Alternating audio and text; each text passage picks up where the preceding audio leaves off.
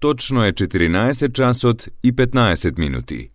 Ја следите програмата на македонски јазик на јавната медиумска установа Радио Телевизија Војводина, трета програма. Емисија Македониум.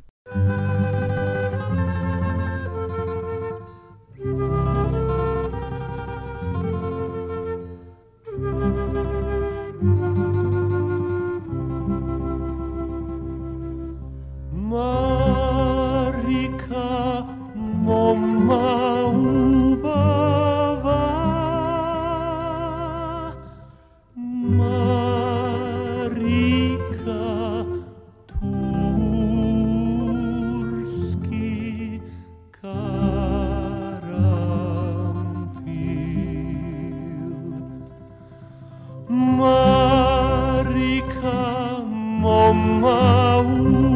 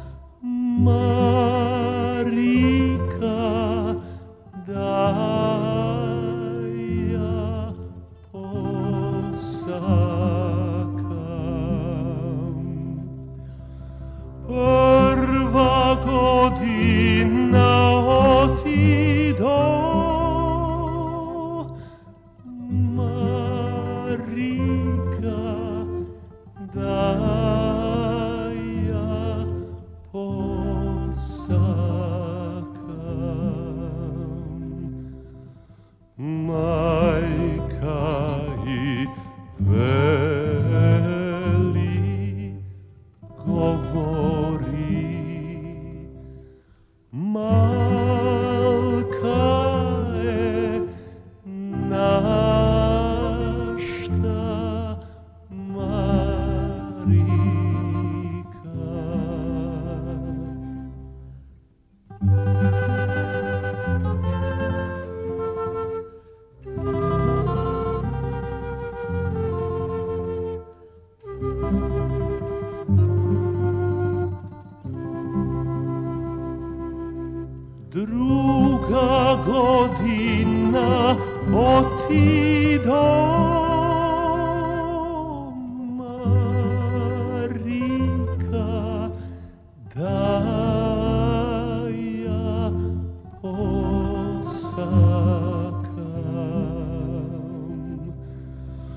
druga godina, otidoš.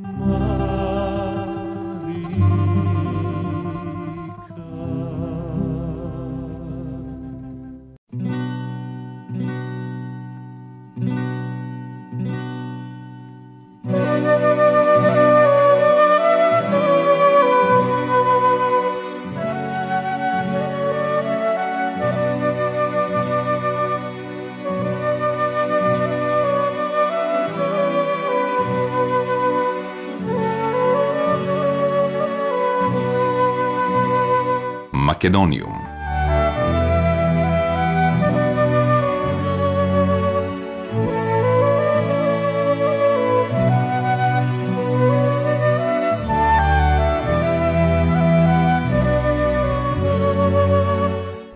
Добар ден и добре дојдовте во најновото издание на емисијата Македониум. Со вас, почитувани слушатели, е вашиот уредник и водител Јулијана Милутиновиќ, секоја среда со почеток во 14 часот и 15 минути. Во денешното издание на емисијата Македониум ќе зборуваме со уметничкиот директор на Македонскиот народен театар од Скопје Дејан Прошев, а ќе имаме прилика во сабота на 1 април да ја гледаме и слушаме операта Севилскиот Бербер од Джоакино Росини, токму во изведба на Македонската национална опера и балет под диригентско водство на Иван Еминовиќ. Оваа соработка е во рамките на Отворен Балкан, меморандум кој кон крајот на септември минатата година го подпишаа директорот на Националната опера и балет Васо Ристов, директорот на Народен театар театар од Белград Светислав Гонцич и директорката на Народен театар на опера и балет од Тирана Абигела Воштина. Действието на Севилскиот Бербер се одвива во Севилја. Розина е млада девојка која е влюбена во грофот Алма Вива. Младиот љубав гроф секојдневно пее под прозорецот на Розина со цел да ја се приближи, но Розина ја чува стариот доктор Бартоло, кој сака да се ожени за неа и не ја дозволува да излезе од куќата.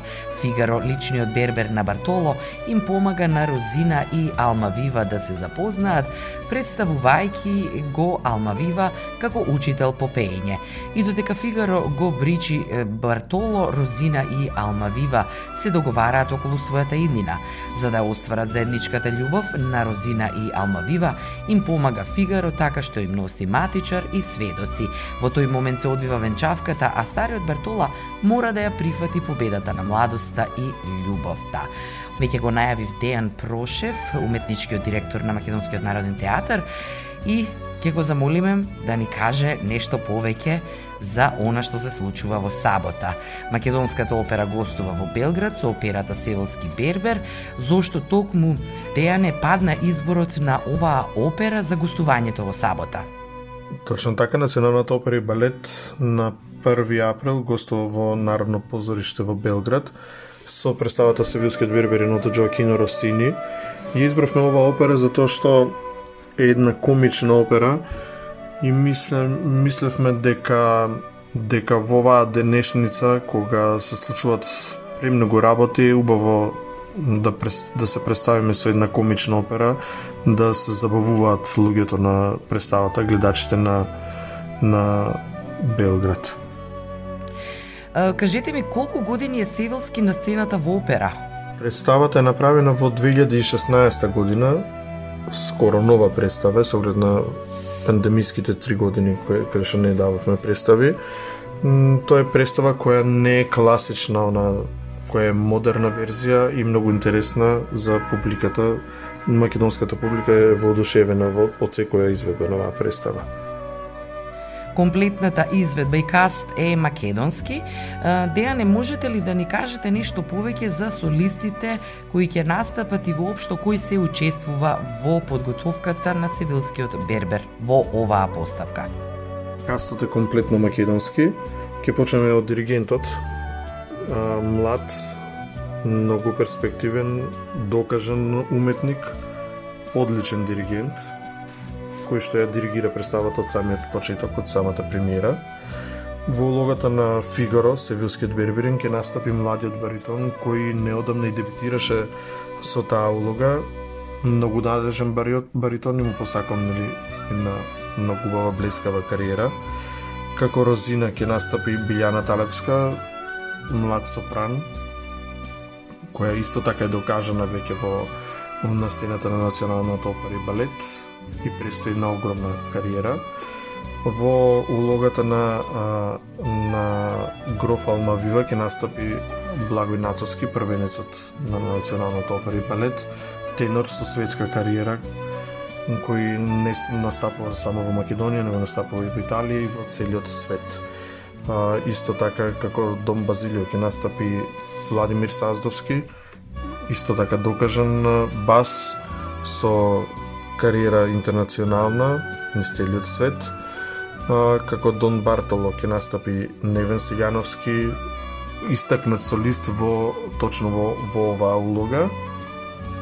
Во улогата на Берта ќе настапи Сонја Пендовска-Мадевска, која е од неодамна солист на Националната опера и балет. Во остануваат Драган Ампов, исто солист на Националната опера и балет. На комплетната екипа е од млади изведувачи, енергични, со убава позитивна енергија. Сценографијата е на Марија Ветеровска, а костемографијата на Марија Попучевска, концерт мајстор е Климент Тодоровски, речитативите ги свири Андри Наунов, хор мајстор е Ѓургица Дашич. Македониум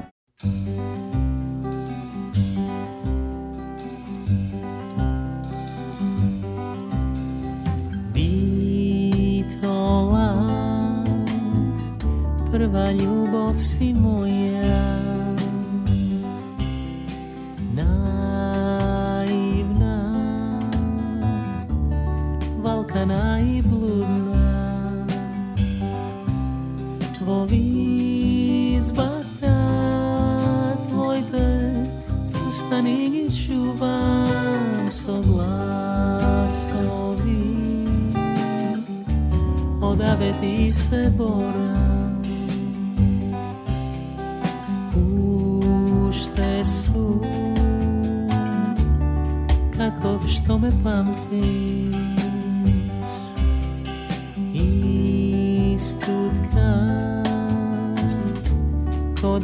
Кодај дамски бакшиш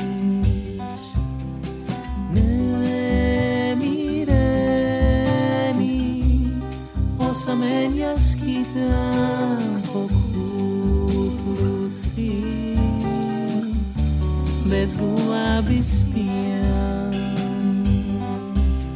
I sakav da te pregrnjam Da zaplaćam, да pregoram прегрнам, да заплачам, да прегорам И љубов, гнев, радост, образа Од липите да истресам И јавли да прерипам И катанци да отклучам И масарки да разлетам Од ендеци da izleza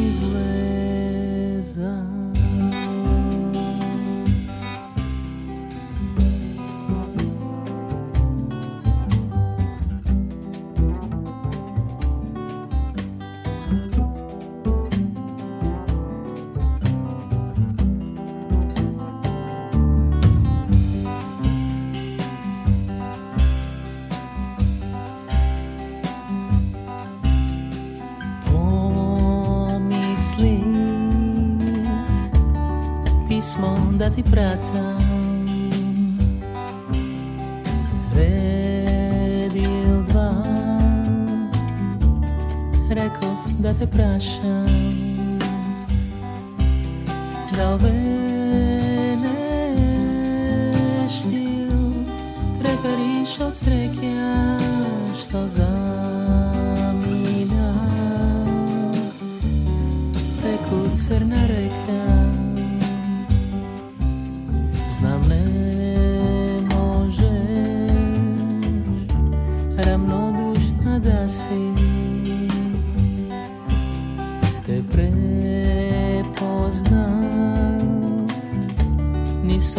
si prazni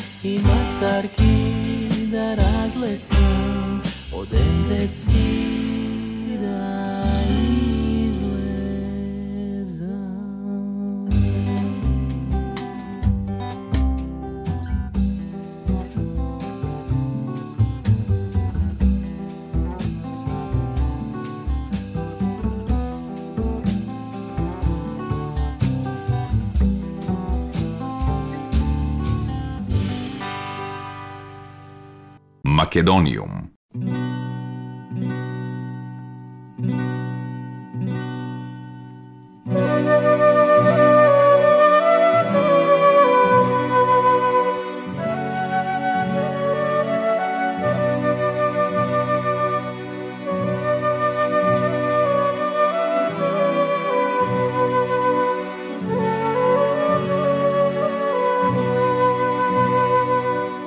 Денес во Македониум ни гостува уметничкиот директор на Македонскиот народен театар Дејан Прошев и со него зборуваме за гостувањето на Националната македонска опера во Белград. Дејане, вие сте оперски режисер и уметнички директор на МНТ, во чија режија е Севилски во сабота. Јас да сум уметнички раководител на операта при Националната опера и балет и режисер. А, оваа представа, оваа постановка е на австриската режисерка Урсула Хорнер, а, која живееше во Македонија и која секогаш правила интересни а, интересни представи. На белградската публика е позната по италијанката во Алжир, представа која правевме која беше копродукцијска представа на Националната опера и балет и Белградско народно позориште, односно Народно позориште од Белград. Кажете ми исто така кога последен пат гостувала Македонската опера во Белград пред ова гостување кое го очекуваме во сабота? Националната опера и балет последно има гостувано, мислам дека 2005 година со операта Турандот во Сава центар. Зборам за комплет, комплетна постановка, затоа што многу од нашите уметници имаат настапувано поодделно во, во представи на операта на Народно позориште. А додека балетот исто така има гостувано со а, представата а, Охридската Робинка Ташула и во 2016 мислам дека беше со представата 14 часа современ балет. Ова е соработка на операта во рамките на Отворен Балкан после гостувањето на Белградски народен театар во декември со Жизел во Скопје. Кажете ми дали се планираат и понатаму вакви проекти? Гостувањето во рамките на Отворен Балкан, договор кој се подпиша помеѓу Србија, Македонија и Албанија а, во септември 2022 година, веќе во октомври 2022 година имаше беше првата представа со заеднички кастинг. Тоа беше операта Боеми во Народно позиште Белград со солисти од Белград, од Македонија и од Албанија. Потоа следеше гостувањето на балетот на Народно позориште Белград во декември 2022 со балетот Жизел, комплетниот балетски ансамбл и солистите и оркестарот на Националната опера и балет од Северна Македонија. И ова е наше гостување сега од на Националната опера, од Северна Македонија со комплетниот саба, хор, оркестар, солисти. А, се надеваме за и панатамашни гостувања, вакви проекти кои се многу добро, добра, добар начин за представување на културата и на државата. Какви се годинешните подготовки за мајски оперски вечери? Што е ново за годинешните мајски оперски вечери? Во тек се подготовките на 51-то издание на фестивалот Мајски оперски вечери. Свеченото отварање на фестивалот ќе биде со операта на Буко, со комплетна италијанска авторска екипа и со домашни солисти. На 12 мај ќе биде изведен балетот Лебедово езеро со гости од Италија. На 17 мај операта Кармен, каде што во насловната улога ќе настапи Љубица Вранеш, солист на а, Народно позориште Белград. На 21 мај е операта Травијата, каде што во насловната улога, односно улогата на Виолета Валери, ќе настапи Ана Друловски, познатиот сопран на Македонија, како и тенорот Благој Нацовски во улогата на Алфред Жермон а, на 26 мај во сработка со Македонската филхармонија ќе го изведеме а, Вердиевиот реквием, каде што солисти ќе бидат Никола Китановски тенор и Сања Анастасија, исто солистка на, на Народно позриште Белград и на 31 мај традиционално фестивалот се затвора со величенствената Аида со мешана а, солистичка екипа. Македониум Го слушнавме Дејан Прошев и се она што ни интересираше околу гостувањето на Македонската национална опера и балет во сабота во Белград. Дејане, ви благодарам за гостувањето.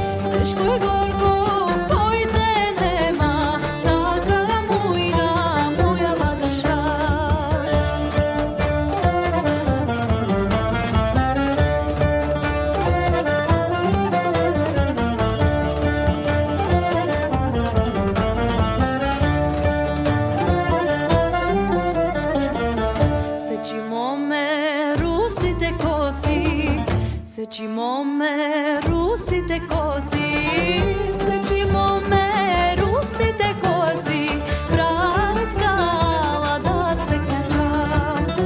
Seći mome, rusi kozi, prava skala da se knačam. Da se kačam, da te vidam, da se kačam, da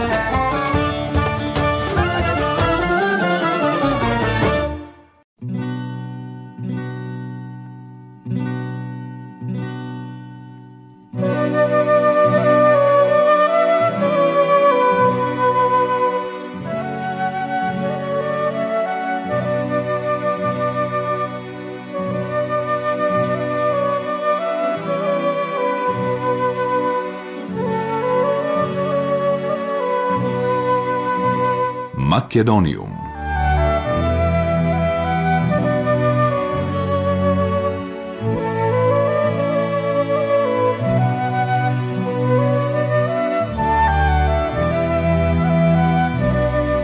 Програмската цели на македонските лауреати на Мартовскиот фестивал во Белград, во петок на 31 март од 18 часот во Југословенска кинотека во Белград ќе бидат прикажани некои од најзначајните македонски автори кои остварувале големи успеси на некогашниот Мартовски фестивал. Во соработка со Македонската кинотека пред публиката ќе бидат филмовите Оган и Дае од Столе Попов, Средба на шарпланинци од Трајче Попов и 12 од Папрадник на Димитар Османли. Германско-македонскиот филм Повлекување на Анабела Ангеловска ќе биде прикажан на Мартовскиот фестивал исто така од 21 часот во Домот на младината Сала Американа, а во рамките на категоријата меѓународен документарен филм. Во повлекување кој светската премиера ја имаше на Берлинаре минатата година, режисерката и сценаристка Ана Бела Ангеловска паралелно обработува две комплексни теми за кои во домашната кинематографија, а и генерално во нашето општество, недостасува свест и дискусија посттравматското стресно нарушување како речиси неизбежна последица врз печалбарите во воени подрачја и ужасните ефекти кои глобализацијата ги има врз малите места. Документарниот филм за животот и делото на Васил Хаджиманов, Фениксот од Кавадарци, премиерно ќе биде прикажан во рамките на ревијалната програма на Мартовскиот фестивал на 1 април во сабота од 19 часот во салата Американа во Домот на младите во Белград. Васил Хаджиманов е еден од неголемите и најупорни македонски истражувачи во областа на етномузикологијата, мелографијата и фолклорот и воедно еден од врвните толкувачи на изворните македонски македонски народни песни, а во нашата емисија имавме прилика да ни гостува токму внукот на Васил Хаджиманов. Во филмот, изработен по сценарио и режија на Мишо Нетков, зборуваат голем број на научници и луѓе кои му биле блиски. Васил Хаджиманов починал во Скопје во 1969 година. Неговата работа ја продолжија неговиот син Зафир и внукот кој го носи неговото име. Македониум.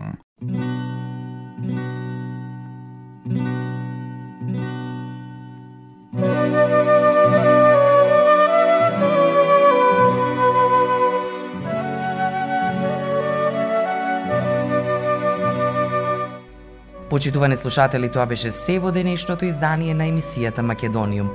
До следната среда во исто време, срдечен и голем поздрав од вашиот уредник и водител Јулијана Милутиновиќ. Ја следевте програмата на македонски јазик, емисија Македониум. Главен и одговорен уредник Воин Поповиќ.